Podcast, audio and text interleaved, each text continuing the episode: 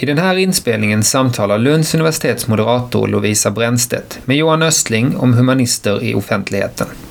Välkomna till eh, Lunds universitets monter här på Bokmässan och vårt allra första samtal för i år och vårt allra första samtal på tre år live från Göteborg. Det känns jättekul och extra roligt att få inleda med dig Johan Östling. Tack så mycket. Du är professor i historia, Ja. inriktning mot kunskapshistoria. Ja, Sveriges första professor i kunskapshistoria, är det så? så är det faktiskt Ja. ja. Mm. Roligt! Och jag tänker att vi kanske ska ta avstamp i det.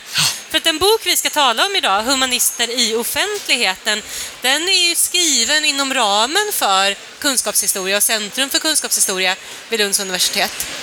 Eh, kunskapshistoria, vad, vad är det? Vad är kunskapshistoria? Ja, alltså enkelt uttryckt så handlar det ju om, om eh, kunskapens plats i samhället och i människans liv. Alltså inte bara eh, vid de lärda institutionerna som universitet eh, eller skolans eh, värld, utan också hur kunskapen rör sig och förflyttar sig och, och förändras över tid och i olika sammanhang.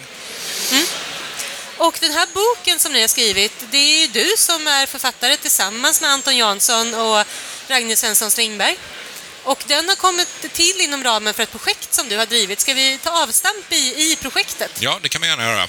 Det är ett projekt som vi har haft under ett par års tid. Eh, Ragni och eh, Anton har varit då postdoc-forskare inom det här projektet och jag har lett det, Eh, finansierat av, av Wallenbergstiftelsen. Och eh, det har varit en, eh, en intressant upplevelse att arbeta tillsammans kollektivt och samskriva en bok som vi har gjort här, där vi har haft ansvar för vissa kapitel var, men ambitionen har varit att det ska vara ett kollektivt företag.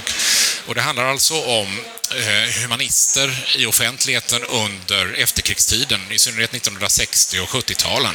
Och eh, hur humanister verkade på olika, som vi kallade då, kunskapsarenor i offentligheten. Inte hur de verkade som eh, forskare eller vetenskapsmän eller lärare, utan deras mer publika roll och humanioras roll i välfärdssamhället i hög grad.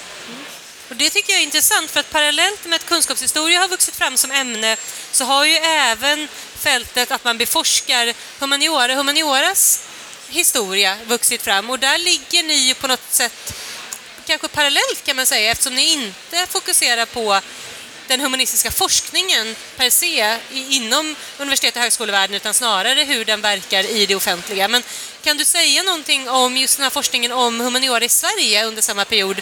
Då tänker jag inom, inom akademiskt så att säga. Precis, det finns ju en sån stark föreställning om att humaniora under efterkrigstiden i välfärdssamhället, i det socialdemokratiska samhället om man så vill, genomgick en kris, eller upplevde en kris. Det var naturvetenskap och samhällsvetenskap som expanderade, humaniora blev marginaliserat. Den föreställningen finns och det finns visst fog för den om man ser till exempel på hur medel, forskningsmedel eh, blev eh, någonting som kom allt högre grad då naturvetare och samhällsvetare till del. Och det var de som på det sättet formade forskningspolitiken under 1960 och 70-talet. Vad vi gör är dock att vända på perspektivet och se på de som verkligen verkade ute i eh, offentligheten på olika sätt. Och då upptäcker vi att humanister i högsta grad var verksamma. Så medan eh, somliga humanister upplevde att de blev marginaliserade så fanns det många andra som eh, i allra högsta grad var verksamma och en slags offentlig blomstringsperiod vågar vi nog hävda att den här perioden 1960 och 70-talet var om vi blickar ut över offentligheten i stort. Mm. Som tur är börjar vi röra oss bort från ett narrativ om humanioras kris inom akademin, men det kanske lever kvar i vissa läger och att då kunna visa på hur det var under efterkrigstiden med en stark offentlighet kan ju också bjuda in till att även studera samma fenomen idag. Då jag tycker också att vi ser en väldigt stark humanistisk närvaro i det offentliga. Ja, det räcker ju att titta sig omkring här och se på Bokmässan. Eh, Det finns många forskare här av olika slag, men många har ju sin, sin bakgrund på ett eller annat sätt i humaniora, eller möjligtvis samhällsvetenskap. Eh, Så det finns många platser där, där humanister alltjämt tar plats i, i offentligheten, det stämmer. Jag tänkte att i den här boken så är ni, jag genomför ni ett antal delstudier. Jag tänkte att vi ska fokusera på två av dem, de som, som också överensstämmer då med de kapitlen som du har skrivit. Och då rör det första ett program som jag tror att alla är bekanta med, nämligen Fråga Lund. Och det lyfts fram här som en typ av kunskapsarena Vill du berätta mer? Jo, alltså Fråga Lund i dess klassiska tappning, det, det började ju sändas 1962 eh, och eh, det blev ett av 60-talets mest populära program. Och i centrum stod ju då sex stycken Lundaprofessorer alla män eh, som, som det var på den tiden. Eh, och eh, under många, många år så stod de här i centrum och kom att att eh, ställa eh, till svars, eller de fick möjlighet eh, att besvara frågor då som, som allmänheten ställde. Och det intressanta ur det här perspektivet är att man kombinerade då underhållning och kunskapsförmedling på ett nyskapande sätt. TVn var ju fortfarande ung och det här var ett sätt att, så att säga, bryta med en äldre folkbildningstradition, att föra in ett underhållningsmoment som var naturligt för, för televisionen och som passade väldigt bra. Och här möttes då i Fråga Lund, hävdar vi i boken, en slags äldre lärdomskultur som fortfarande var levande vid universiteten vid den här tiden, med då det nyaste av medier, nämligen TVn.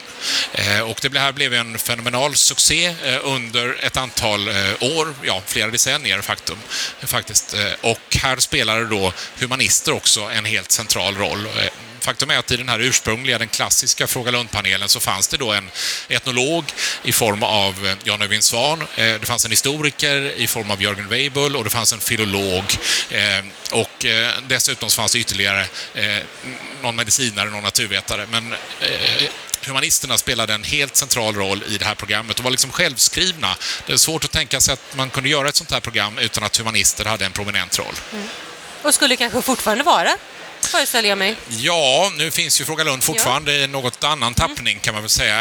Eh, och där vet jag inte om just humanister spelar en riktigt lika framträdande roll. Det kan kanske andra uttala sig om. Men eh, man tycker ju att eh, i ett slags folkbildningssammanhang så, så borde personer som sysslar med språk, med kultur, med historia, med filosofi ha en självskriven plats. Mm givet också vilket intresse det finns och hur många frågor, jag tänker både du och jag är ju också verksamma forskare, hur mycket mm. frågor man tar emot från allmänheten ja. om historia, språk, filosofi, allting sånt. Verkligen. Mm.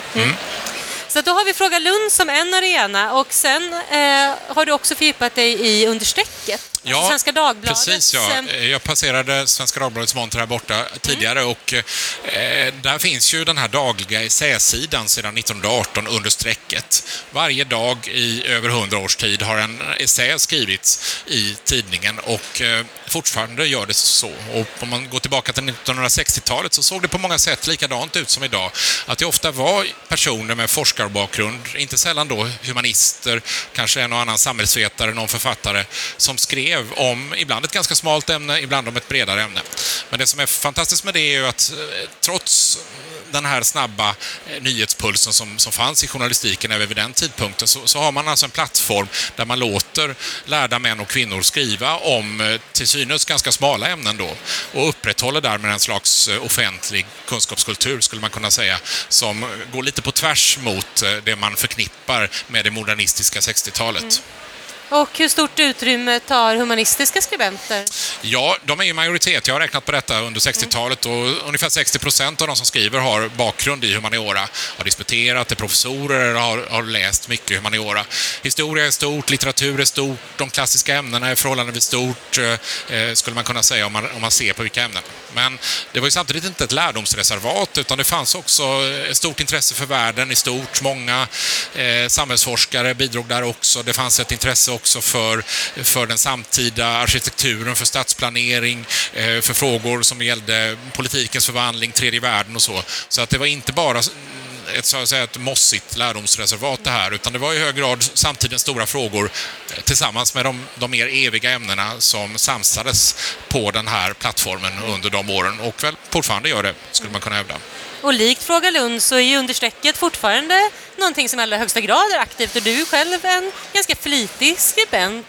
Ja, det kan man väl säga. Samtidigt så, även om formatet är sig likt mm. i stort sett och det är lite samma typer av personer som skriver, humanister är väl företrädda även idag under strecket, så måste man ju se att omvärlden har förändrats i hög grad och den här lärdomskulturen som det här bidrog till att upprätthålla under 60-talet, den finns inte riktigt på samma sätt idag. Eh, så att eh, man ska inte heller bara stirra sig blind på, på ett sammanhang eller en arena här, utan man måste också se hur en arena samverkar med andra. Eh, och det märker man ju en del andra bidrag i, i, i boken, till exempel vi skriver om pocketböckerna som var ett typiskt efterkrigsfenomen, väldigt stort på 1960-talet, eh, som idag inte riktigt spelar samma roll, men där man kan fundera på om till exempel dagens poddar och poddrevolutionen har en liknande typ av kulturell funktion som eh, pocketböckerna hade på 1960 och 70-talen. Mm, för det var också en fråga jag hade faktiskt, att när ni skriver till exempel om Fråga Lund så handlar det om TV kommer in som ett nytt medium mm. och vad det får för effekt. Om du skulle spana lite idag och framåt, vilka arenor tror du kommer bli betydelsefulla för kunskapscirkulation? Ja, nej men det är klart att de audiovisuella medierna är väldigt starka. Eh, jag har själv barn i yngre tonåren och jag kan ju se att deras, de kan vara intresserade av eh, eh, klassisk romersk historia som du sysslar med också. Men där är Youtube en viktig mm. kanal för förmedling. Mm. Det kan man inte komma ifrån. Så att jag tror att de audiovisuella medierna kommer ju att uh, arbeta allt mer i riktning mot att bli centrala kunskapsplattformar, arenor. Och det är något som vi i universiteten måste fundera på också, hur vi ska förhålla oss till det framöver här. Mm.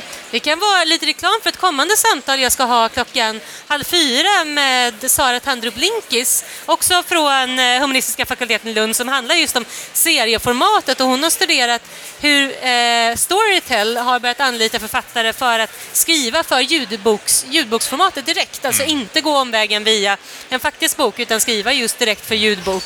Apropå vikten av, av de audiovisuella medierna. Just det, samtidigt som vi naturligtvis när vi är här också måste slå ett slag för den klassiska boken, den tryckta boken och eh, vi går omkring här och ser på många av de här små förlagen som mm. kanske upplever en, en höjdpunkt just under de här dagarna och som bär upp, eh, jag såg att Heidegger kunde man få för ett, för ett eh, fint pris, fyra band här borta i ett litet förlag.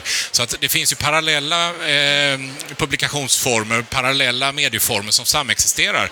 Och det är en rätt underbar sak tycker jag, att vi, vi upplever att den tryckta boken, en slags 1900-talsprodukt om man så vill, samexisterar och i vissa mån lever i högönsklig välmåga tillsammans då med, med poddar och audiovisuella uttryck. Ehm, så det, det, tycker jag är fantastiskt att möta här. Och, eh, det är väl också en allmän iakttagelse som vi gjorde i boken här att även under efterkrigstiden så fanns det liksom inte en monolitisk kunskapsform eller en monolitisk kunskapsaktör eh, för den delen utan det var mycket samexistens och utbyte eh, på olika håll. Mm.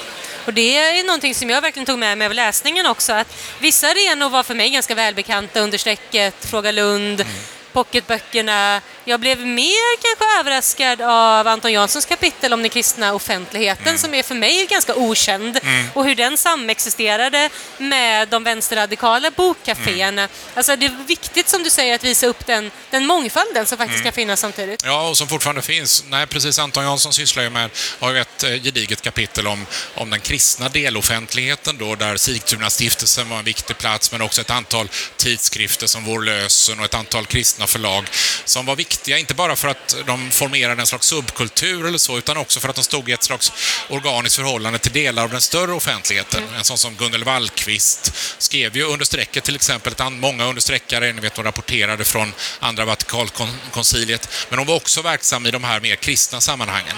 Eh, men det fanns ett intressant samspel däremellan. Och det tror jag man kan se än idag också, samspelet mellan större eh, plattformar, eh, allmänningen, den gemensamma offentligheten och mer specifika nischade eh, sammanhang. Mm. Avslutningsvis en annan sak som jag tar med mig i läsningen av boken, när vi återvänder till det här narrativet om humanioras kris som vi kan spåra under efterkrigstiden.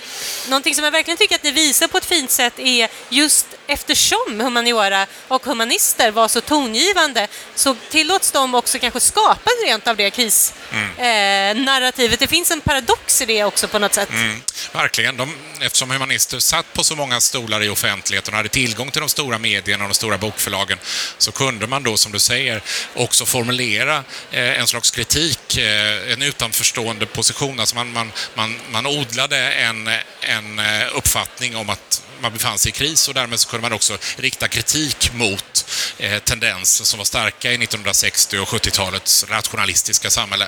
Men det, som du säger, det var en förutsättning var ju att man befann sig redan på en form av offentliga maktpositioner vid den här tidpunkten. Mm. Ska det bli våra slutord, tycker du? Ja, det tycker jag. Ja, Johan Östling, jättestort tack för att du tog dig tid att komma hit. Ja. Och ja, nu får vi gå ut och eh, delta i den offentligheten som gör bokmässan en viktig offentlighet, verkligen, för humanistisk forskning. I högsta grad, Ja. ja. ja. Mm. Det är bara att ge sig ut.